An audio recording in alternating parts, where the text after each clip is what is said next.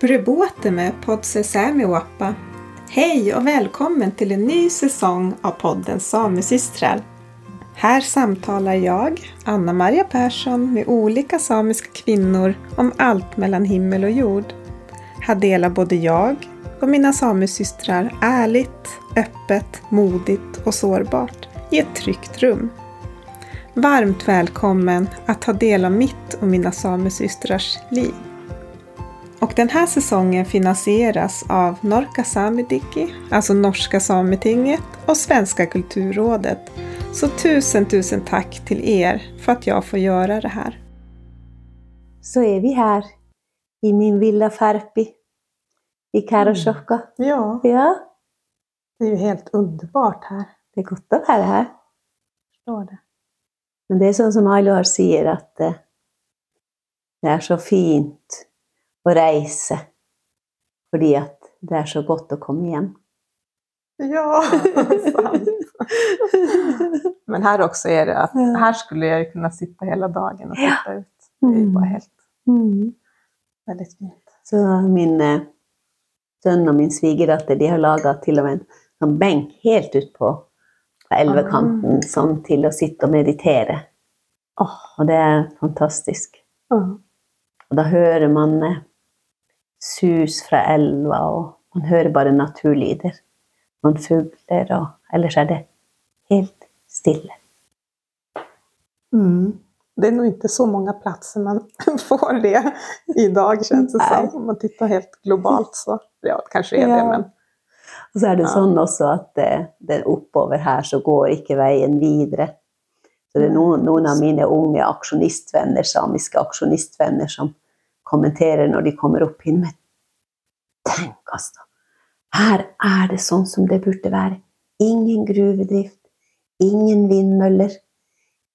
Ja, er fantastisk. Elva er ren. Og, ja, ikke mye forsøpling og ikke mye Altså, helt fantastisk. Ja, men det er det. mm. Jeg tenkte ikke på det før de sa det. Nei, Sant? tar det litt givet Ja. kanskje? Eller? Lett for det. Mm. Ja, vart Mm. är jag någonstans? Jag sitter hos Asta Balto. Och ehm, ja, det är jättefint. Jättefint här. Och jag tänker för de lyssnare. Det är ju många då som kanske inte vet vem du är eftersom jag lyssnade från, jag skulle säga hela världen. Majoriteten är från grannlandet, svensk Mm. sida. Om du vill, Ja. vill du presentera dig? För Det jag kan jag. inte göra det. För att, Ja, det kan jeg. Ja. Ehm, jeg, jeg kommer fra det her stedet som jeg er tilbake til. eh, og født for lenge siden, like etter krigen, for å si det sånn. Og eh, jeg vokste opp i det her eh, området her, og vi hadde en veldig tradisjonell livsform med et lite gårdsbruk, noen sauer og noen kyr, og, og så hadde vi noen sytingsrein den gangen hos slektninger. Eh, og så var det elgjakt, og så var det bærplukking, og så var det laksefiske, og så var det fiske i vannene, og ganske mye selvforsyning. Veldig mye jobb, og veldig mye læring i Mm. å vokse opp her. Og det også å være avhengig av naturen og naturkreftene har gjort sitt til at eh, jeg har stor respekt for det som skjer rundt meg i naturen. Og jeg har stor glede av det også. Så det, og det var et samisk miljø, så her Mm. snakka ikke mye, mange norsk. Da jeg begynte på skolen, så kunne jeg ikke norsk. Og det gikk noen år før jeg skjønte hva skole egentlig var. Det var Mm. ganske skremmende. Mm. Og, eh, men etter hvert så lærte jeg det norske språket, som var eneveldig den gangen. Så jeg lærte meg nå det, og, og hadde foreldre som så verdien av utdanning. Det var veldig spesielt at de syntes at vi skulle få en utdanning. For det var tungt. Det var en tung overlevelsesform her. Mhm. Og eh, den gangen var det jo ikke så mye tekniske hjelpemidler heller. Eh, Så eh, de syntes nok at vi skulle kanskje finne noe annet å gjøre enn å kopiere deres måte å overleve på. Mm.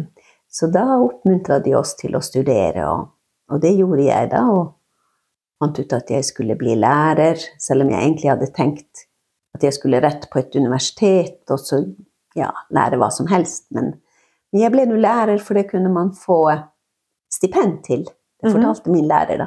Det, jeg, det kan du få stipend til. Og så kan du få lån. Da Mhm. slipper jo mine foreldre å holde meg i skole i fire år. Så det var, det var jeg glad for at jeg fikk til. Så etter, etter at jeg ble lærer, og det syns jeg var kjempegøy å være lærer, Mhm. å ha disse barna og være med på å forme barn Det er helt fantastisk. Mm. Det var en sånn stor glede for meg, og jeg ble så glad i de barna. Spesielt i de her som ikke gjorde det så bra. Mhm. De som eh, kanskje ikke hadde det greit hjemme heller. Mm. Men i alle fall, det jeg opplevde da når mitt barn skulle begynne på skolen, og vi bodde i et norsk område, norskspråklig område, Mhm. det var at det var ikke mye samisk han ville møte der. Og jeg kikket rundt i lærerrommet for å finne noen samiske bøker som lærere kunne bruke. Det var ikke. Og da tenkte jeg at ja vel, istedenfor å sitte der og klage over det som mangler, så må du gjøre noe. Eller hur? Så bare hopp inn i det. Det der gjør flere Se flera till- Se til å komme deg videre i eh, utdanningen din og skrive bøker og bli forsker. Og, Ja, så det gjorde jeg. det gjorde Det gjorde jeg.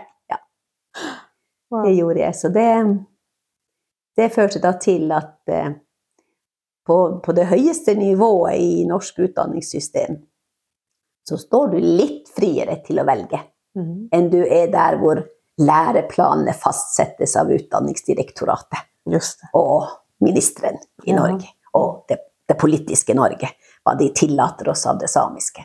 Mm. Det er jo opp til dem. Men på universitetsnivå så har du en, en større frihet til å velge dine fokusområder.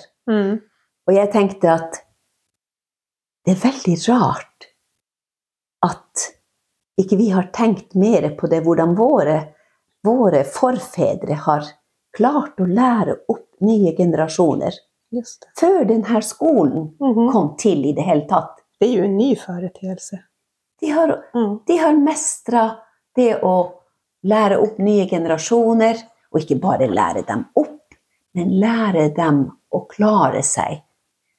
Altså bli selvstendige individer som takler det her området Mhm. og de ressursene som er her, på en så god måte at de til og med leverer den verden til neste generasjon.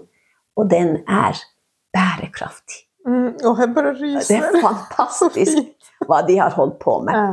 Så da fant jeg at det må jo være mitt, mitt fokusområde å finne ut hvordan har de gjort det? Mhm. Hva er det, hva er det de har holdt på med? Og det er klart at det var jo kjempemorsomt å sette i gang og undersøke det. Og når er vi i tiden da? Da er vi i tiden rundt 80, Ja. etter Alta-kampen, etter at jeg ble det. kasta i fengsel Oi. og fikk kjenne på den der makten og maktovergrepet. Jo, for jeg tenker at du var jo der. Ja, jeg var der. Jag var om. Og jeg er veldig stolt av at jeg har vært i fengsel for våre rettigheter. Kan du inte bara berätta lite, vad är det för... Det kan jeg varför hamnar i fängelse? Det kan jeg selvfølgelig. Det var Alta-kampen. Som jo ble en skikkelig skal jeg si, oppvåkning både for samer og for resten av Norge og, og verden. For det var en så stor sak. Og vi var veldig mange demonstranter imot demningen av Alta-Guergueno-elva den gangen. Just det. Det var både naturvernere og samiske forkjempere som sto sammen. Mm. Og noen av de som var med i NSR den gangen, eh, Norske Samers Riksforbund, bestemte seg for at de ville demonstrere, og de ville gå, gå i fengsel når det måtte være. Mens en del av NSR ville være de som forhandlet og meglet og, Mhm. og eh, ja, tok den der mer stille kampen Mhm. med dem. Så jeg var nå en av dem som ble kasta i fengsel. Og måtte også, eller vi fikk velge om vi ville forsvare oss selv i retten. Mhm. Og mange av mine samiske venner den gangen Jeg glemmer aldri de som jeg var sammen med der. bestemte seg for at de ville skrive sin egen forsvarstale til retten og stå der og forsvare det vi har gjort. Jeg har sett på den talen som jeg skrev på samisk, og vi hevder at vi vil ikke snakke norsk. Mm. Vi kan ikke norsk. Mm. Vi skal, ha, vi skal bruke samisk, og det fikk vi lov til i retten. Så em, den talen gjør meg fortsatt rørt i dag. Jeg har faktisk sett på den og oversatt den til engelsk for å kjøre den som en slags sånn teaterscene for studenter Ja. på, på journalist, eh, Indigenous Journalist-studiet i Guadageno. Det var veldig morsomt å gjøre det. Og prøve å få ungdommen med å forstå hvordan det var å stå der i den kampen. Og med politi, 700 politimenn som skulle komme og dra oss vekk. Og vi hadde mange sånne kamper ettersom maskinene forflytta seg lenger og lenger oppover elva. Så vi tapte jo den kampen, da. Eller ble, planen ble litt moderert. Mhm. De demma jo ikke ned Masi. Den joika jo jeg også om, om Masi. Chapa medze, eller medze, bakke medze. Mm. Men i alle fall, utfallet var jo viktig for oss, politisk kjempeviktig. Eh, for den gjorde sitt til det som er i dag. Og De så seirene, de såkalte seirene som vi fikk. Utredningen om samiske rettigheter, om samisk kultur, Precis. Sametinget. Alltså det där är så svårt att förstå för den som inte har varit med. Ja. Jag kan så här, efter att ha sett den här filmen, Ja. Etno, Ja. så bara oj, Ja, var det så viktigt. Ja. Okej, nu kan jag förstå lite mer Mm. av det som pågår idag och det som har blivit. Men det känns så här, wow, det kjennes som at det var så stort, Ja. betydningsfullt. Ja. Og det er veldig Mm. godt at du spør meg om den kampen, fordi at siden vi snakket om min utdanning, så vil jeg si at en utdanning har jeg fått hjemme. Det er den tradisjonelle utdanningen. Eller den tradisjonelle eh, kunnskapen og kompetansen som man kan få ved å vokse opp her. Mm. Det andre er jo min formelle utdanning i utdanningssystemet i Norge. Men den tredje delen av min utdanning, den har jeg fått i det samepolitiske fellesskapet.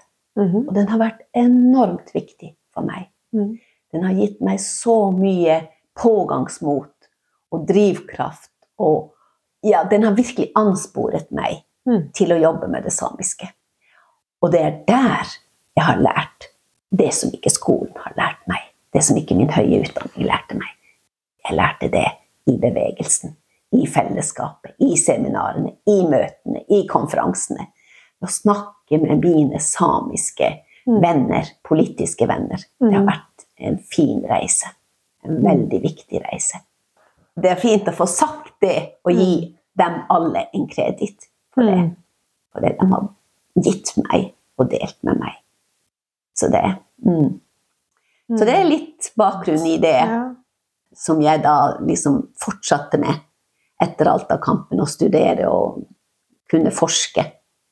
Så det var rett til Oslo og, og fortsette der jeg glapp med lærerutdanning og videreutdanninger og sånn. Og drive med forskning. Da var jeg, sånn som jeg sa, så heldig at jeg kunne velge hva jeg ville fokusere på. Så det ble hetende da mitt fokus ble på oppdragelse og de tradisjoner, de tradisjonene vi har i oppdragelsespraksisen. Är det uppfostran på svenska? Ja, är det så det er enkelt? oppfostran Mm. på svenska. Det er det. Mm. Så eh, i ettertid så har jeg tenkt at uh, det kunne også ha hett at Hvordan har de formet oss før skolen kom? Hva slags dannelse er det de har gitt oss, at vi har blitt samiske mennesker? Ja. Ja, hva er det? Ja. ja. Kommer du inn på det? ja, jeg, jeg, det kan godt hende at vi kan eh, är det komme tilbake til det ja, til, på slutt. Men, men i alle fall, det, det viktige er liksom å, for meg å gå inn i På en måte ser jeg på det som noe de har lyktes med. Jeg har ikke brukt krefter på å finne ut alt som gikk galt, Nej. Eller det som ble feil. For det forsvinner vel? Ja, det, det forsvinner ikke nødvendigvis at det forsvinner ikke, det henger med oss. Og vi må alltid ha eh, med oss det at vi skal også være kritiske. For alle tradisjoner er ikke like bra. Ja, okay. Vi må alltid tenke at hvordan passer de inn i det som vi har av menneskelige rettigheter i dag? Og, og hvis det ikke på en måte harmonerer med det menneskesynet som ligger til grunn for menneskerettighetene, så må vi jobbe med, med det. Det, må ikke, det. det bør ikke være en del av de verdiene som vi forfremmer Mhm. og, og styrker. Så det, det skal vi alltid ha. I det samiske er det mye negativt, sånn som det er i alle kulturer. Ja, Vi er verken bedre eller dårligere enn andre. Sånn er det.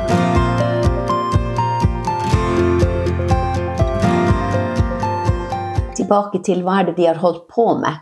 Og da har jeg sett på de har, hva de har praktisert. Hva er det de har holdt på med? Som eksempel at eh, de gir kniver til barn Ja. når de er små. Mm. Og hvorfor gjør de det? Og spesielt sånne iøynefallende forskjeller til det som er kanskje vanlig i dag. ja, precis. Ja. Mm. Så det å gi kniv, eksempel. Så hvis vi går inn i det, bare, bare som et eksempel for å fortelle hvordan man, man kan dypdykke inn i fenomener. Så det med kniven. Hvorfor gir de en kniv når andre syns at det er det gjør barn ubeskyttet? Mm. Man må beskytte barn, man kan Mhm. ikke gi kniver til dem. Sant? Men i samisk sammenheng, i samisk tradisjon, så har det vært sånn at man skal utvikle selvstendige mennesker. Og selvstendighet kan man ikke begynne med når de er ti år. Man må begynne med det så tidlig som mulig. Mm. Selvfølgelig må man passe det til Mm. den alderen som barnet er i. Men, men det å få en kniv, for kniv anses i vår tradisjon som veldig viktig for å klare seg. Og det å lære at kniven er et redskap og ikke et leketøy, det er viktig. Så derfor så gjør vanligvis foreldre litt sånn forsøk med dem, ikke sant? Og la dem få kjenne på knivseggen. Kanskje skjære litt grann, for de skal skjønne at den er veldig skarp. Mm. Og det er heller ikke sånn at du skal gi bare uskarpe kniver til barn. For da lærer de heller ikke hvor farlig det kan Nei, just være det. å skjære Mm. seg. Mm. Så det er tanken med det å lære barn så tidlig som mulig å håndtere en, mestre en kniv. Spikke f.eks. pinner. Mm. Det begynner man gjerne med. Mm. Spikke pinner. Og så lærer, så viser man, og så kan de få spørre, og så kan de få feile og prøve mange ganger, slik at de mestrer å spikke den pinnen. Da tenker foreldrene slik at det er viktig at barn klarer seg selv i de tilfeller hvor foreldre ikke er til stede. For tenk deg hvis far og mor ikke er der, og så finner barn den kniven som de har gjemt. Ja, så vet precis. barnet ingenting om hvordan det skal mestres. Ja, da blir det ufarlig. Ja, det, blir, det kan bli en tragedie. Ja. Så det er for å unngå sånne Mm. situasjoner også, at man lærer barna opp i å mestre ting. Og kniven er bare et eksempel, Ja. men det er et veldig kjent eksempel for veldig mange. Både de som er utenfor det samiske, og de som kjenner til det samiske.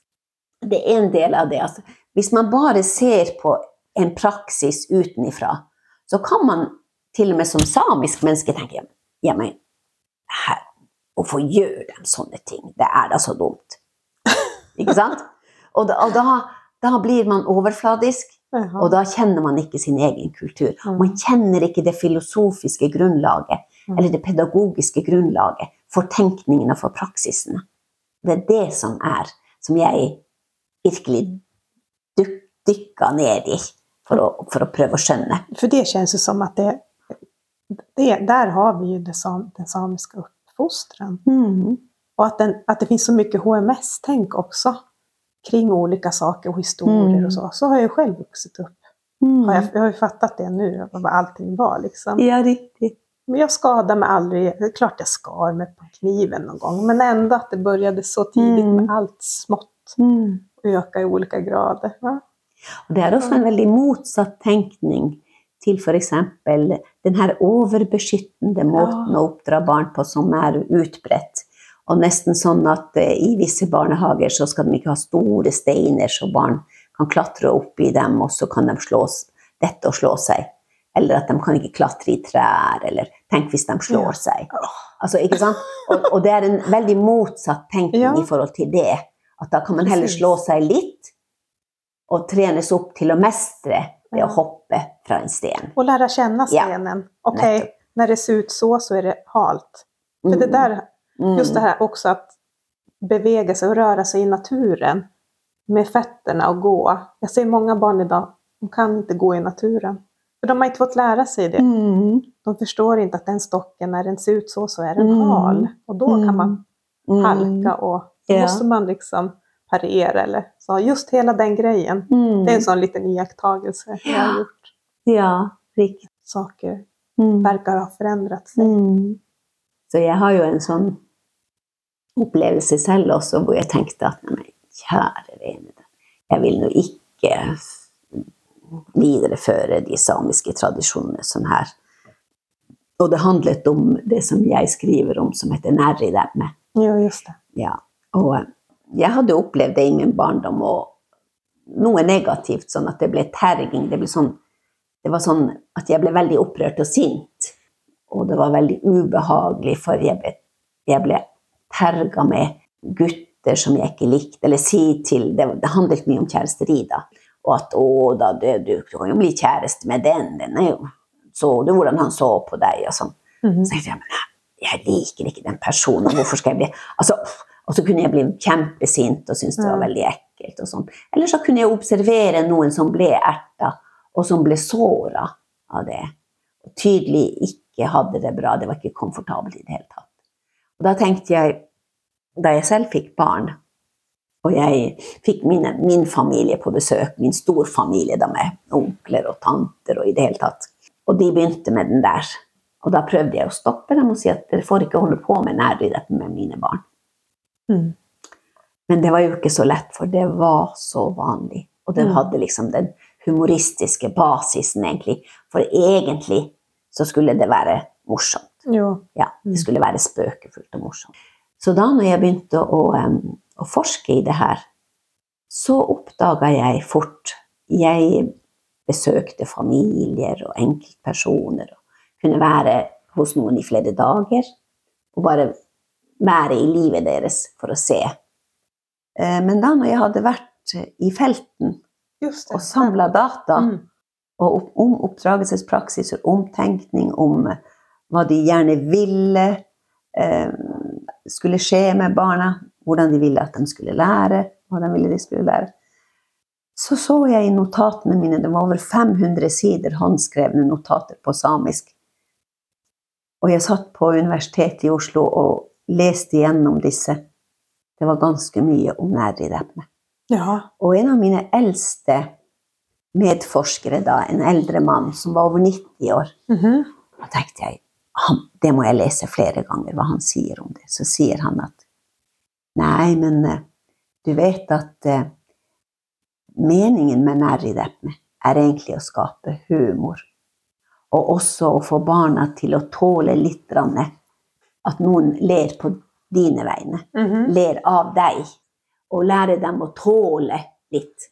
Men det som skjer i dag, sier han, er at de har fullstendig mista egentlig det som var basisen for den Okej. nærridemme. Så de driver og terger. Og det, det nye ordet, sier han gamle mannen, det nye ordet er jo å mobbe.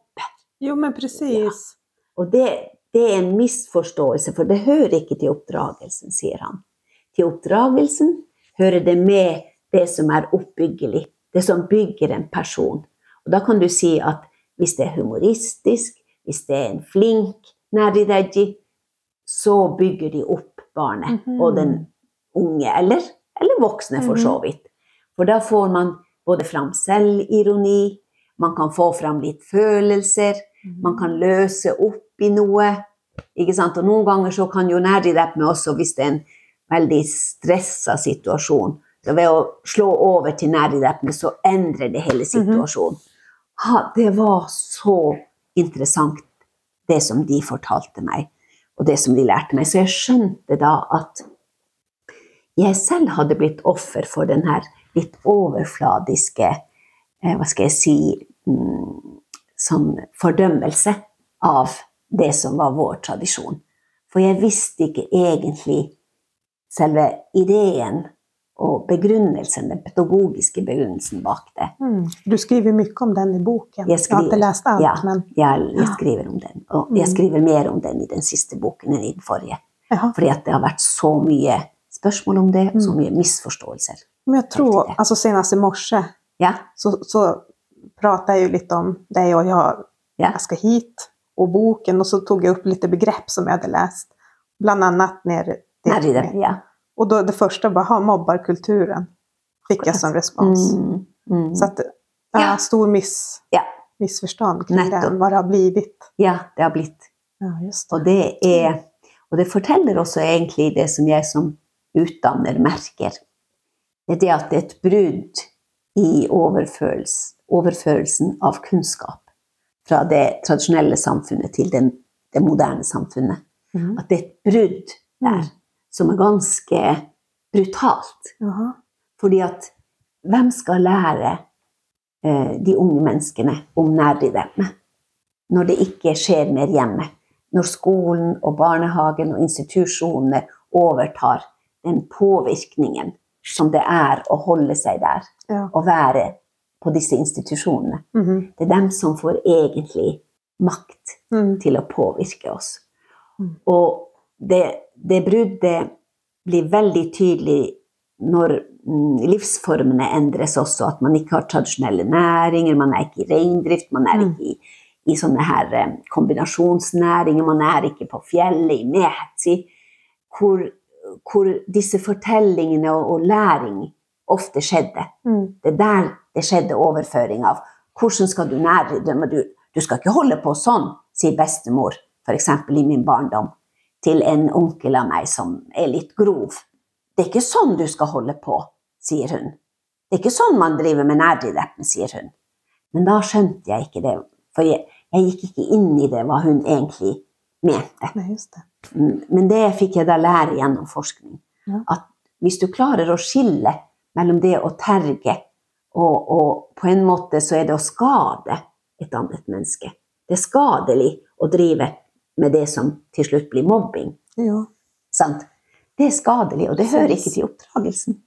Det er ikke noe som er villet. Det er ikke det man vil. Nei. Og så er det også sånn at når man dykker ned i det der, så er det også sånn at vi vet jo at mange samer har mye smerte. Og mange har ikke hatt ord for det, Mm. og de har gjemt det i seg. Så kom den smerten kanskje også gjennom det å mobbe, eller å stikke noen, eller å være litt ekle, eller å være litt Altså, Mm. hvis du ikke har det bra med deg selv, kanskje, kanskje da gjør du også sånne ting. Mm. Kanskje noen har vært, ikke vært så gode med deg. Så skal du gjøre litt samme noen gang. At Ja. du får en, åpna den ventilen som ikke er så god. Og derfor også så hadde det vært så viktig at man hadde lært seg å skille mellom den gode nærrideji og den som mobber. Så det er noen som er veldig dyktige, som klarer å balansere på en sånn fin måte, Mm. hvor det blir morsomt, og den unge ler, og den eldre ler, og alle ler, og Mhm. Ikke sant? Så det Man skulle egentlig bedt folk om å Kom nå og observere om du hører, om du ser eller opplever noen dyktige nærrideggit som passer inn i en sånn Ja. god ramme av oppdragelse. sant? Jeg tenker at någonstans också så kjenner du direkt på kroppen om det har gått, om det var fel eller rett, eller vilken typ det var. Når det känns Mm. dårlig, ja men da var det nog inte bra heller. Mm. Det blir som ett obehag. Jeg kan bare tenke meg yeah. at vi, vi kan nog bedöma det veldig lett egentlig. Känns det som. Mm. Det, det var en av mine medforskere eh, som, som, som fortalte meg det at hun hadde ikke lært. Hun hadde ikke lært. Hun hadde ikke blitt utsatt for nærriderme. Og det syntes hun var virkelig dårlig. hun syntes at det var en mangel i oppdragelsen. Hjemme hos dem hadde de ikke gjort det. Hun, så hun, hun mente at hun mestra ikke det der. Hun burde ha lært det i barndommen. Hvordan man svarer tilbake, og hvordan man lærer å formulere seg. For det er jo også snakk om å lære å ta igjen på en måte. På en vittig og morsom måte. Å kunne formulere et svar. Finnes, altså bruke språket, ikke sant. Ja. Har et eksempel i boka mi som Jeg kommer ikke på, på noen nye eksempler akkurat nå, men et eksempel i boka mi som jeg observerte. Jeg var hos en familie, og så kommer onkelen på besøk. Og sønnen i huset er akkurat kommet fra skolen. Så vi sitter og drikker kaffe, mora til den sønnen og så en tante. Og så kommer, det, kommer de her toene, ikke sant? han fra skolen og onkelen på besøk. Og så sier onkelen 'Å, jeg så deg'. 'Jaså', sier han unge gutten. 'Ja, jeg så deg der', Du så ikke meg? 'Nå?' 'Nei, det der utenfor samvirkelaget'. 'Jaha. Hva det var da?' 'Nei, da skal jeg si det at eh, jeg så jo du sto der, men hun var jo veldig søt, hun der jenta. sier han. Jaså du, sier han. Og du, onkel, du har jo ikke kjæreste. Du kommer snart til å bli gammel ungkar hvis du ikke tar det sammen. Og alle vi ler jo, vet du. Det er jo altså det er en sånn vellykka vellykka nerve. Veldig. Og alt er sånn Det er en god tone, og det er varme i luft, lufta, ikke sant. Sånn, så at det, det kjennetegner en, en, en, sånn god Og så sier hun her, som ikke har blitt utsatt mm. for det, så sier hun at jeg siden jeg ikke er blitt utsatt for nære dem, så, så blir jeg jo, jeg blir jo bare rød hele tida hvis de sier noe. Jeg rødmer jo hele tida og syns at jeg De ser at jeg skjemmes og skjemmes, og det er veldig ubehagelig å ikke kunne si noen ting som har med følelser og kjæresteri og, sånn, og sånne ting å gjøre. At jeg ikke har ord for det og blir bare rød og helt tafatt og forknytt. Og det syns ikke jeg nå er fint. Jeg er ikke fornøyd med det i det hele tatt. Så hvis jeg hadde blitt utsatt for litt nær i dem, så hadde jeg kanskje svart tilbake. Mm. Istedenfor å bli helt forknytt og mm. rødme og sitte i, nærmest gå i en krok for meg selv. Mm. Så det handler egentlig om den der balansen mm. hele tiden, om å uh, kunne mestre den mm. balansen, den fine balansen som det er før du går over til å bli ja. veldig ubehagelig. Selvfølgelig er det litt sånn du kan bli du kan, De kan nærre litt deg for f.eks. For, for at, at du har gjort dumme ting og sånn, ikke sant. Og da er det også utvikle at du har feilet. Du kan takle det. Du kan svare tilbake, ikke sant. Det, men, men, det må gjøres på en sånn måte at det, mm. at det ikke ikke knekker menneskene. At det ikke knekker barn eller ungdommen eller den, den, det mennesket som blir utsatt for det. ikke sant? Mm. Mm. Det, men, men Depme er en, et veldig godt eksempel på hva som skjer når det blir brudd på kunnskapsoverføring eh, mellom det som var i det tradisjonelle samfunnet, og det som kommer i en annen form i det nye, moderne. Mm. Ja, det var helt nytt för mig. Når jeg åpner boken er det mye som er nytt, verkligen. Og hva tenker du, Anne-Marie, hva tenker du når, når disse här eh, ikke-samiske kvinner og menn kommer til våre om områder. Uh -huh. Og så blir de utsatt for det her. Hva tror du? og da, da, da, kanskje Og de, de, skiller jo ikke, når ikke våre egne heller skiller på det. Da blir de kanskje utsatt for mobbing, og så heter det at ja, men det er vår kultur, sier de. Sånn. Seksuelle trakasserier, ja, for eksempel. At det blir sånn, det er vår stempel. kultur. Ja. ja. men det går ikke an.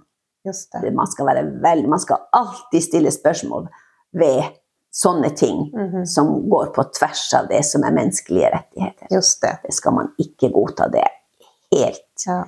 helt uholdbart å påstå at det er vår kultur. Just det. Bra. Mm. Åh, så bra du sier. Så er det jo også veldig viktig da for, eh, for de tradisjonelle oppdragene at eh, man ikke alltid er så direkte. At man ikke liksom står der med pekefingeren over de unge og, og barna og sier hva de skal gjøre og ikke gjøre. Det, den, den, direkte metoden, sier de, er, legger opp til litt opprør og Mhm. protest. Hvis det blir mye av det, hvis det blir mye av moraliseringer og pekefinger, pekefingerpedagogikk, så har det lett for å bli protester fra den som utsettes for det. Og det vil de helst unngå. Så de sier at man skal bruke mer indirekte metoder. Altså på en måte mm, gå litt omveier.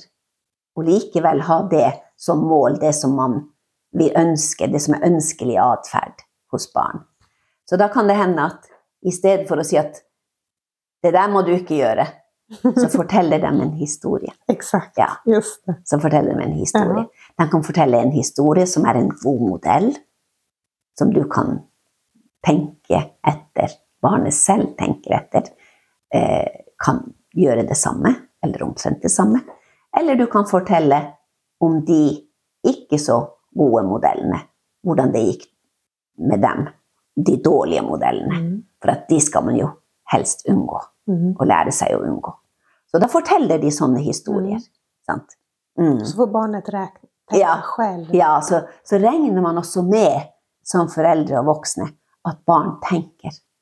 At de er ikke tomme hoder. Ja, Nei, Man forventer at de tenker selv. Ja. Mm. Mm.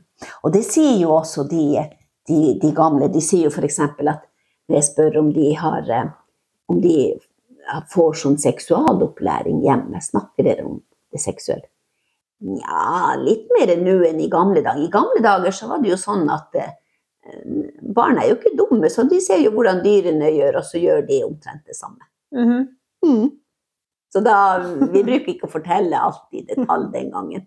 Det er jo litt annerledes i dag, sier de, mange da. Mm. Men, eh, men barnet tenker jo selv.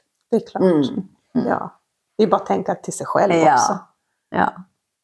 Jag har jo en sånn indirekte historie som eh, med meg og min mamma, da. Hvor jeg var blitt såpass gammel at eh, hun syntes nok at hun skulle gi gode råd om det, det seksuelle og ja. nu var vi på det sexuella. Eller jeg, jeg, ja, jeg skulle kanskje si Kanskje jeg skulle si på en annen måte. Kanskje ikke akkurat det seksuelle. Så jeg, kan si, jeg, kan, jeg kan begynne litt på nytt. Kan, du kan kanskje vurdere om du skal ja. Nei, men det med å fortelle historier for å gjøre barn mer bevisst på hva de skal gjøre, og hva de ikke skal gjøre, istedenfor å være direkte. Mm. Så jeg har en historie eh, Jeg var jo opptatt i, i forskningen min om å høre hva, hvordan de forteller hvordan barn blir til, Mhm. og hvordan Ja, Mm. eh, liksom deres skapelsesberetninger, på en Mm. måte, den tradisjonelle. Så eh, det var et tema, og da var det en fortelling om, om det med å være sammen eh, med menn, og, og jeg var begynte å bli såpass stor at mora mi hadde nok forberedt seg på at hun skulle snakke med meg om det. Så hun forteller da en historie om hennes venninne da den var ung her i bygda. Og den venninnen var altså så, sånn en fin jente, sier hun. Veldig flink og dåjer. Mm -hmm. Kunne sy og ja, ja, hun var veldig fin, sier mamma. Men så ble hun glad i en gutt. Og forelska i en gutt. Og han var litt eldre enn henne. Og tror du ikke hun ble med barn? Så hun ble gravid. Mhm. De var hun var altfor ung. Og så viste det seg at den unge mannen ville ikke gifte seg med henne. Så hun ble alene med en baby, og den gangen var det ganske alvorlig. Det som ville skjedd med henne, var at hun ville miste sin anseelse her i bygda, sa hun. Og hun ville ikke få noen menn til å gifte seg med her. Og med det som en sånn fremtid, så ble hun syk. Hun ble veldig syk. Og havna på, øh, på sånn øh, Havna på sykehus en Mm. periode. Mm. Og barnet måtte, hun, måtte besteforeldrene ta seg av. Og selv så måtte hun flytte til et annet sted. Og det var Men du, går det an? Jeg var helt, jeg var helt Jeg, jeg, jeg syns det var helt forferdelig. Og så sier mamma da at eh, ja, og sånn kan det gå Mm. hvis man begynner for tidlig med, med gutter og sånn, og det å drive og kysse masse og sånn, det kan fort bli sånn at det, man mister kontrollen, sier mamma. Så eh, det var én, et eksempel på hvordan de gjorde det. Og, og jeg tenkte at jeg, jeg, må jo, jeg må jo virkelig Jeg kan jo ikke Jeg vil ikke ha den historien på meg, tenkte jeg. Så den hadde full effekt på meg. Mhm. Skremt. Jeg var skremt, rett og Mhm. slett. Så det måtte man, sånn, det måtte man passe på. Så istedenfor å bruke pekefingeren og si at du må ikke gjøre det, og så må du gjøre sånn og sånn, eller, så fortalte hun den historien. Mm. Mm. Så sånn var det egentlig. Det var veldig utbredt måte. Besteforeldre gjorde det. Tanter og onkler fortalte historier. Og kikket på oss. Fikk vi det med oss? Ja. Ikke sant? Mhm. Mm. Mm. Nei, jeg opplever, Er det så i dag, da? At, Ja. at foreldre står mer med, med handen og peker? Ja. ja. Hva beror det på? Er det bare den tid vi lever i? Mm. Det, er også, det er også veldig mye sånn tidsklemme som gjør at vi ikke tar oss den tid. For det er klart at en sånn historie, og alt som hører til en historiefortelling, tar jo tid. sant? Så, men, men fortellinger i det hele tatt, fortellinger er et veldig viktig redskap Mm. i en tradisjonell oppdragelse. Og det er ikke bare hos oss. Nei. Det er hos alle urfolk, og i alle tradisjonelle samfunn så er det utbredt, en utbredt, måte. Og det er også en, en måte liksom sånn? Der sitter jeg og mora mi, og det er en veldig trivelig stund med mamma. Å sitte og høre på henne, se hennes mimikk, hennes følelser, Mm. oppleve hele den her scenen med Ja. henne Ja. som jeg tar med meg. sant? Altså, det er så mye mer enn en sånn her verbal moralisering som, som vi må gjøre veldig effektivt. Mhm. Eller vi gjør veldig effektivt i dag. Prøve å gjøre det på to minutter. Mhm. sant? Mens det mamma brukte kanskje, brukte kanskje en time å sitte og snakke rundt Ja. det her etterpå, etter den historien hennes var ferdig. Og det, ja, det er mange sånne. Mange, mange, mange sånne. Og um, i sånn urfolksmetodologi så er det jo mange som understreker betydningen av fortellingene. At fortellingene på en måte så representerer de vårt kunnskapsarkiv. Og også den måten vi transformerer og viderefører kunnskap på som samiske mennesker. Når vi har den ballasten med oss. At fortellingen er en del av oss. Og så i fortellingen så er det også ofte Det fins fortellinger som bare er for moro, selvfølgelig. Men veldig mange fortellinger har et pedagogisk budskap. De kan ha et etisk budskap. Hvordan vi skal leve, og hvordan vi ikke skal leve. Og veldig mye i fortellingen har en sånn, et skikkelig viktig innhold. Som en message fra våre forfedre. Og det, har også, det samme har også em, disse her um, Sædene var ikke så Hva heter det? Ordtak? Ordtak, ja. Mm. Ordtak. Mm. Mm. De har også den samme. Og de har sånn lang, lang historie tilbake. Mhm. Og mange ganger når jeg hører ordtak, eller hvis jeg bruker ordtak, så tenker jeg oi, der er stemmen deres. Det er forfedrene våre som snakker til oss. Og da må vi være lutterøre. Mm. For dem har, i, i dem ligger veldig mye visdom. Livsvisdom, erfaring og sånn her prøving og feiling over tid. Ja, Og hva som blir igjen. Exakt. Ja. Så det er en sånn veldig sånn konsentrert Mm. visdom som ligger i Det var nog det jag tänkte på i början där när jag sa att just det här att det som inte är bra, det som inte funkar försvinner. På något sätt. Det var det, var det Ja. jag kopplade till. Alltså just det här det traditionella mm. traditionskunskapssystemet som Mm. vi urfolk har. Och som har nedärvts och prövats och felats och rättats. Och det som inte funkade, det försvann. Mm. Just, Yeah. ja. Det var det Ja, jag tänkte det var på. det du Sen tänkte, har det liksom. kanske Ja, Sen det här bruddet som du säger, att det blir Ja. någonting annat. ja. Att det ska vi inte försöka, det här Mm. dåliga, det, det kan vi inte ha med oss. Mm. För någonting skedde som Mm. gjorde att det blev så. At det sterkeste argumentet overlever, liksom. Men, Mm. men så er vi også menneskene er sånn laga at vi er ikke bare gode. Nej, Sant. det er sant. Og da bærer vi med oss eh, Vi har en del ballaster som, Ja. som, som vi vet at menneskeheten bærer på, og som vi må være obs på når vi skal oppdra og vi skal lage visjoner og ja, hva vi vil fremme og sånn. Så at mm, mm. Nei, men det har vært eh, en veldig eh, berikende reise i forskningen. Veldig interessant, og, og også en slags sånn ærefrykt for alle de som bidrar med kunnskap, og som gjør det med så godt hjerte.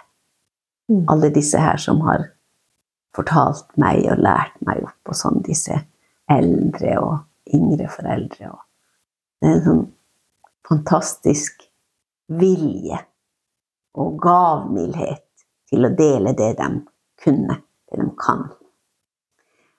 Og også fordi at jeg skulle forske i det, og jeg skal skrive om det, og så sier de Tenk, da får kanskje barnebarna mine også lære det, sier de, de gamle.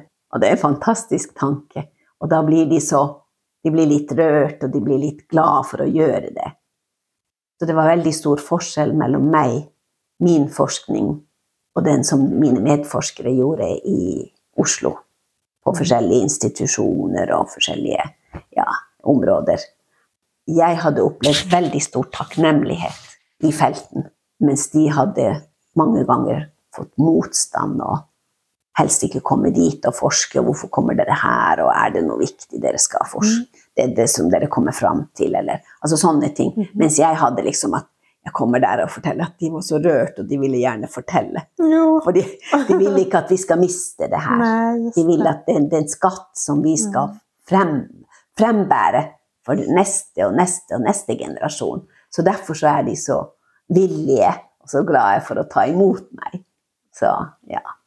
Vad har din forskning gjort for det samiske samfunnet, altså rent så konkret.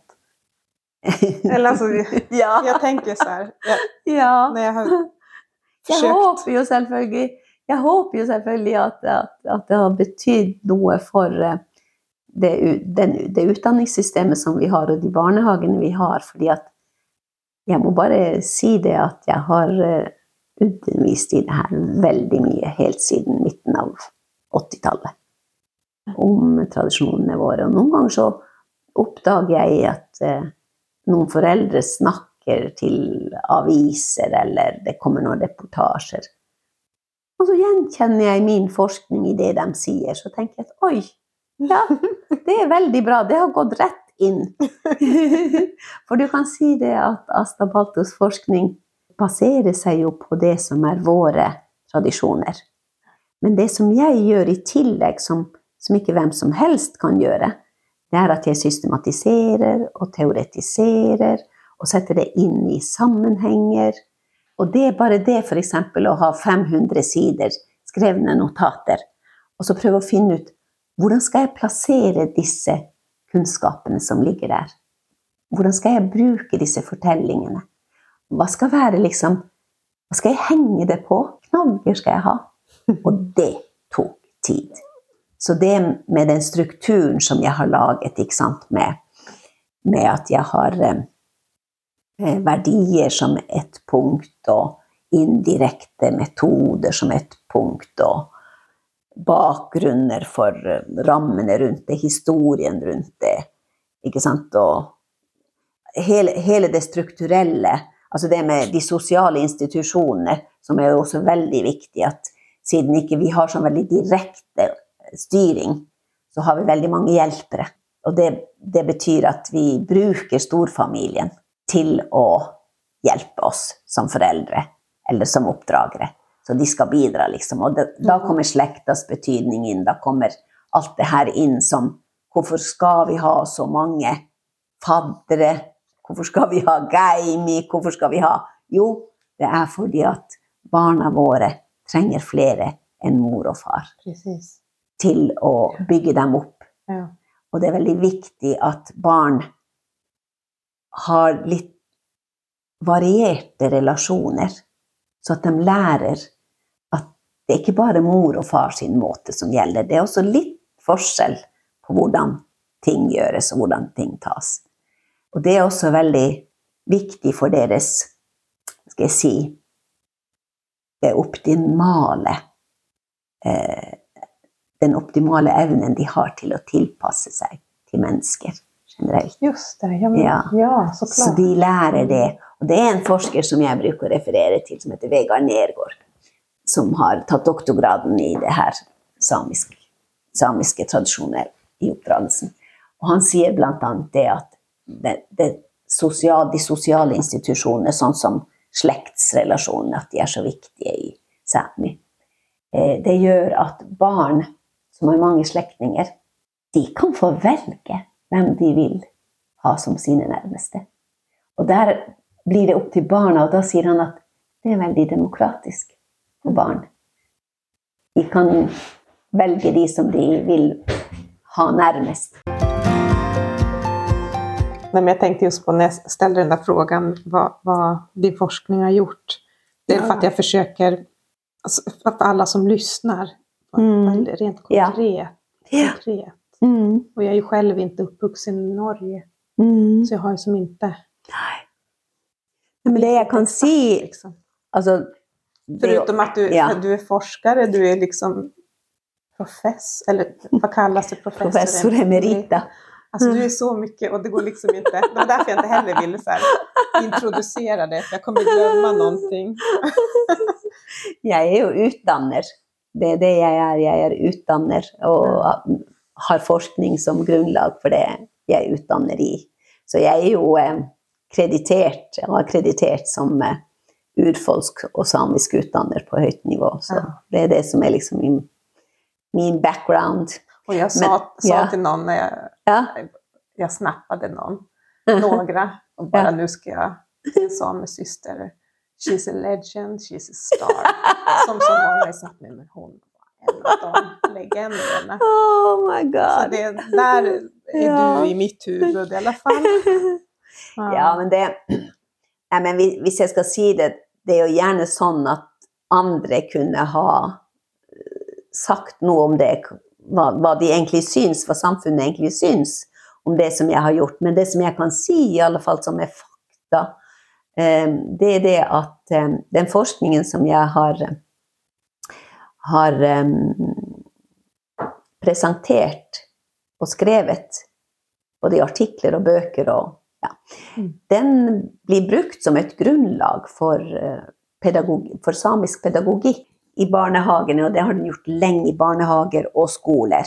Ja, Og også i sosiale utdanninger og ja, på andre universiteter enn På Samisk høgskole har den jo vært en, Mm. veldig, et viktig grunnlag for det de holder på med i pedagogikk, men også i sosialfag. Mm.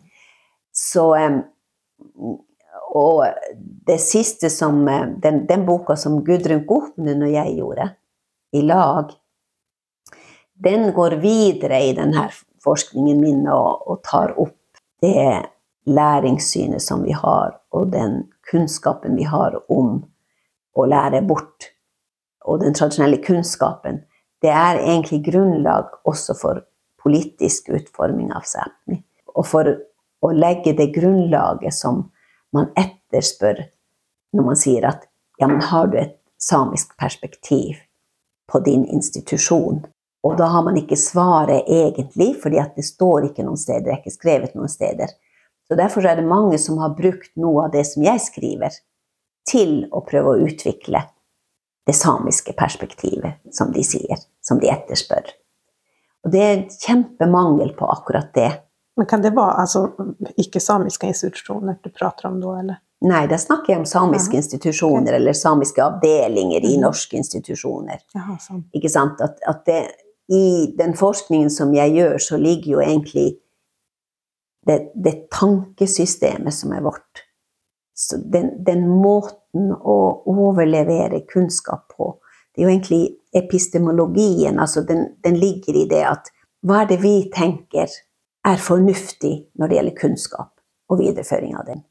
Hva er det vi tenker er fornuftig, fornuftige måter å overlevere den kunnskapen på?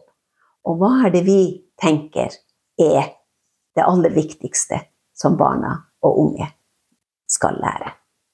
Det er egentlig epistemologien, den, denne læren om kunnskap og læring.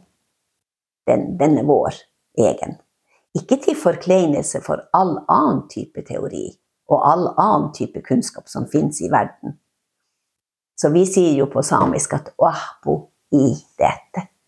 At kunnskap tynger ikke. Just det. Mm. Derfor skal du lære. Og de gamle spurte jo mange ganger hva du har lært der. Ja, norsk. Var det mer enn norsk? Ja, hun kunne tysk. Ja, å ja. Ja, men det høres bra ut. Og engelsk. Ja, men da Jaha, ja, men det er jo bra. Ja, det tynger jo ikke, sant? Det er ikke noe det er lett å bære. Mm. Så det er også en sånn Det er også en verdi i det utsagnet. Wahbo idete. Det er viktig at vi skal lære. Det skal ikke være sånn at vi bare skal lære det samiske. Vi skal lære alt mulig. Mm. Alt som vi trenger for å mestre våre liv i dag. Nu har ju du hört avsnittet med Gudrun också. Mm. Just det här med dekolonisering. Vi pratade Ja. mycket om det. Ja. Jag tänker just att eftersom jag själv har ju en väldigt koloniserad Mm. hjärna mm. och Mm. många med mig. Alltså det känns så här jättesvårt. Hur ska jag veta vad... för att jag har ju upptäckt att jag tänker mycket majoritetssamhälle. För det är så jag har. Men ändå inte. Det finns Ja. någonstans. Det viktigste som jeg ville si til deg, og, og, og, og den type tvil som man går rundt med, er at det er veldig naturlig at du tenker sånn. Og bare det at du tenker sånn, viser at du har en bevissthet. Og jeg tror det er den bevisstheten som hjelper veldig mye. Mm. Det er ikke noen fasit på hva som er hva. Noen ganger så er det sammenblandinger av alt. Og det gjør ingenting. Men det er viktig at man Jeg sier at det er kolonisering. Og jeg har tenkt noen ganger på at kanskje jeg ikke skal bruke det ordet så mye. Mm. Fordi at det er hele tiden om kolonisering og dekolonisering. Da er det relasjon til noen andre som er i midten. Mhm. Vi tenker på det vi er utsatt for, det vi utsettes for, hva det har gjort med oss. Men hvis vi tenker sånn at Johan Turi sa at vi skal være samer Hvis vi setter det, liksom Det er vår, vårt viktigste anliggende. At vi skal være samer. Ok? Mhm. Så kjører vi løs på det. Og så tar vi opp den samiske oppdragelsen og de verdiene som er der, og kosmologien, f.eks., den samiske tenkemåten, filosofien i, i, i, som ligger også i bøkene mine, at, at vi eh, er ikke bare vi som er subjekter i livene våre eller i våre omgivelser. Naturen er et subjekt i seg selv. Trærne lever, dyrene lever. Vi har ikke sant, elva, og vi har fjellene, og vi har alle disse livs... Hva skal jeg si? Livsenhetene er egentlig også subjekter i våre liv. Det gjør noe med oss. Det gjør noe med oss. Det gjør at vi får vondt hvis vi skader det som er livet. Mm. Det gjør vondt å skade det som er livet. Og vi prøver å forsvare det. Det betyr jo ikke at ikke vi også har lært opp gjennom historien at vi skal kunne bruke naturen på en sånn måte at vi også kan leve. At vi overlever. Men det har alltid vært en såbadalla. En såbadallen er å forhandle og komme til en viss enighet med den andre. Enten det er det landet, eller det er den flytteveien, eller det er den elva, eller hva det nå er, så kommer vi så, så prøver vi å lytte og komme til en slags forsoning i hvordan vi kan likevel bruke noe av det. Men det har jo også vært Vi skal ikke ta mer enn det vi behøver. Eller som de sier i Noen urfolk sier i, på en annen måte. De sier at vi tar ikke mer enn det som tåles av naturen. Ja. Ja. Så det, det Og der er vi jo i dag, liksom, at samtidig som vi, vi lever våre moderne liv og våre mobiltelefoner og alt sammen, ikke sant? Mhm. Mhm. så vil vi gjerne at ikke gruveavfallet blir plassert i fjorden og ødelegger hele fjorden. Eller at det ødelegger hele fjellet. ja. Eller. Altså, det er der vi er. Vår, vårt, vår utfordring er som samiske mennesker i dag.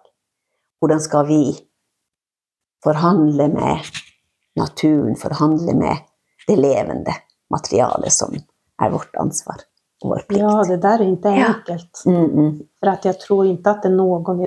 Den här diskussionen hade jag bara för några dagar sedan. Just det här. För ibland kan jag känna bara, men, åh, hur var det att leva för hundra år sedan? Det hade varit... Jag tror att jag hade varit lyckligare då. För egentligen vill jag ju bara vara ute i naturen och samla mat och liksom Mm. leva så. Men jag skulle ju idag, 2023, skulle aldrig kunna gå tillbaks till det. Alltså det går ju inte. Det är omöjligt på ett sätt. Ja. Och det vill jag ju inte. Jag vill ju. Kunna duscha. Jag vill ju Ja. också vara så. Mm. Men, men just den där balansgången att Ja. och vad krävs för att jag ska kunna ha mitt liv idag? Mm. Ja, men, åh, det är de där uppoffringarna eller måste den där Mm. vindparken där eller och samtidigt, ja, det är jätte... Mm. Jag tror vi många idag också bara kämpar i de här Mm. frågorna med vad som vi ser sker. hos en. och Gallok och alla andra, Ja. alla allt annat. Det är bara Mm. två exempel. Ja. Men alltså den här hur navigera mellan Mm. det samiska, traditionell och den moderna Mm. världen vi lever i med allt. Ah, det. Med alle våre behov. det Så jeg kan jo ikke dy meg for å trekke det der dilemmaet langt ut til siden ved å spørre en, en god venn av meg som har hatt en hofteoperasjon nylig, og satt inn titan inn i hoften. Så sier jeg til henne at vet du hva, nå, må du bare slutte å, å demonstrere imot gruvedrift, for nå går du jo rundt med et mineral som du trenger. Altså, det, altså Hvis du går nå og demonstrerer, så må du ta av den hoften igjen, og så må du være uten hofte. Og da sitter vi der og ser på hverandre og oh, What? Oh my god! Ja, men precis. Altså det, er liksom, altså det bare forteller hvor tøft det er for oss egentlig å leve Ja. det livet vi lever. Og pluss å ha vår filosofi og vår, vårt forhold til naturen Mm. samtidig. Og prøve å vedlikeholde det Mm. samtidig som vi skal leve vårt liv. Mm. Det er ikke enkelt. Og, og det vil komme en tid, tenker jeg, at, at vi må på en måte tilpasse oss noe. Vi må gjøre noe. Vi må få forskere til å finne ut om det er noen andre måter å gjøre disse her naturinngrepene på, som ikke si, dreper alt liv. Sant? Ja, precis. Ja. Mm. Mm. Ja, nå er vi inne i de store, de store spørsmålene. Men, men det er også en del av oppdragelsen, så jeg er jo veldig opptatt av For det er snakk om verdier. Og det, det menneskesynet som vi har, både når det gjelder å, å, å lære, altså epistemologien, og kosmologien, som er liksom det forholdet vi har til universet og til alt som lever. Eh, det er en del av oppdragelsen. Det er en viktig del av oppdragelsen. Og jeg bruker å si det at eh, det her utsagnet «Galdahuahpagostuerola», det er jo en veldig pedagogisk, filo filosofisk måte å si og se på læring på. Det er et veldig humant læringssyn. Fordi at i det ligger det en forståelse og en forventning om at alle mennesker kan lære. Hva som helst. Går å oversette Ja. den litt til svenska? Hva betyder det? Eh, Galdahuahpagostuerola. Vi har jo ikke kjønn. Som dat er jo både han og hun. Så vi Mm. sier han, hun lærer nok når han, hun blir større. Mm. Eller får vokse seg til. Og, og det utsagnet er veldig sånn her sterkt. Og det, det forteller om forventninger som man har til de som er i skole, eller i lære. At man har tro på dem. Og tenk at hvis man ser på et barn og ser på barnet og, tenker, og viser barnet med sitt, sin måte å være på at 'Jeg tror du kan lære det her'. Tenk for en opplevelse det er for barnet å få se det voksne mennesket som tror at det kan lære. Ikke sant? Mm. Så det har forfedrene våre lagt i oss og lært oss. At vi skal ha den typen holdning, den typen attityd. At vi tror på læring. Og så Mm. kommer utfordringen selvfølgelig at vi må tilpasse det til den som skal lære, til situasjoner, til alt som er. Men prinsippet står ved lag hele tiden. Og jeg syns det er helt fantastisk den måte, det menneskesynet og det læringssynet som Galdat og Ahba og Stuerrola bærer i seg. Og det er en sånn kjempefin arv å ta med seg som pedagoger og som voksne mennesker og som oppdragere og whatever. Mm. Politikere for den saks skyld. ikke sant? Så det der med den epistemologien som ligger i det, måten å se på læring på, måten å se på kunnskap, er veldig grunnleggende for det samiske. Og selvfølgelig kosmologien også, at den har røtter langt tilbake før si, kristningen av Sápmi. Ikke sant? Mm. At vi har et forhold til naturen. At vi tror ikke at omgivelsene er objekter for oss. Vi må faktisk olahallat, sobadallat, både kommunisere og komme til forsoning med dem som vi omgås. Enten det nå er Ja, eksempel det å sitte rundt et bål, Jo, precis. ikke sant? Mm. Det er veldig fint. Mm. Det er en veldig fin Jeg kaller det for en samisk seremoni. Mm. Fordi at det er en feiring av det å være ute. Det er en feiring av ilden, som egentlig er hellig i samisk forstand. Og det å sitte sammen Ofte er det veldig positivt. Ja. Det er ingen som inviterer til Dålastallen for å være ekkel med noen. Dålastallen har bærer i seg Ja. noe veldig fint. og det er en Mm. vi opplever at det er en samisk tradisjon, selv om det er mange andre mennesker rundt omkring i verden som dålastallet. Men vi opplever at det er vår tradisjon, og det, det kan vi bare gjøre. Også fordi at det, det som er spesielt med Dålastallen, der har vi en tradisjon som fortsatt lever. Et rituale med å slå litt kaffe på bakken rundt bålet. Og mange i dag har jo ikke den kunnskapen hva, hva det egentlig hva det, den symbolske handlingen betyr. Så da må man liksom få vite det, at det egentlig så er det det som vi ikke ser, som vi på en måte viser respekt overfor. Og vi, de symboliserer egentlig det særæhka, okseekka, jukseæhka, som egentlig er de, våre hjelpe, hjelpere og, og de har sitt tilholdssted der. Og de kan vi i forestillingene våre tenke at de er våre hjelpere, og at vi ber dem om beskyttelse når vi slår litt kaffe til dem, eller litt te, eller hva vi måtte ha. Eh, og vi takker dem for at de er der. Vi takker dem også fordi at de tar vare på det som er. De tar vare på omgivelsene, de tar- vare på oss, tar vare på barna våre. At de er med og hjelper oss Mm. i det. Og um, mange vil jo kanskje bare riste på hodet. Ja, men det er, så, det er jo så merkelig, det gjør man jo ikke. Og det, er- hvor ser du disse hjelperne og sånn. Men jeg tror at det har betydning. Jeg tror at det har veldig viktig betydning pedagogisk sett. At man lærer seg at man ikke er herrer overalt. At man har litt ydmykhet. Mm.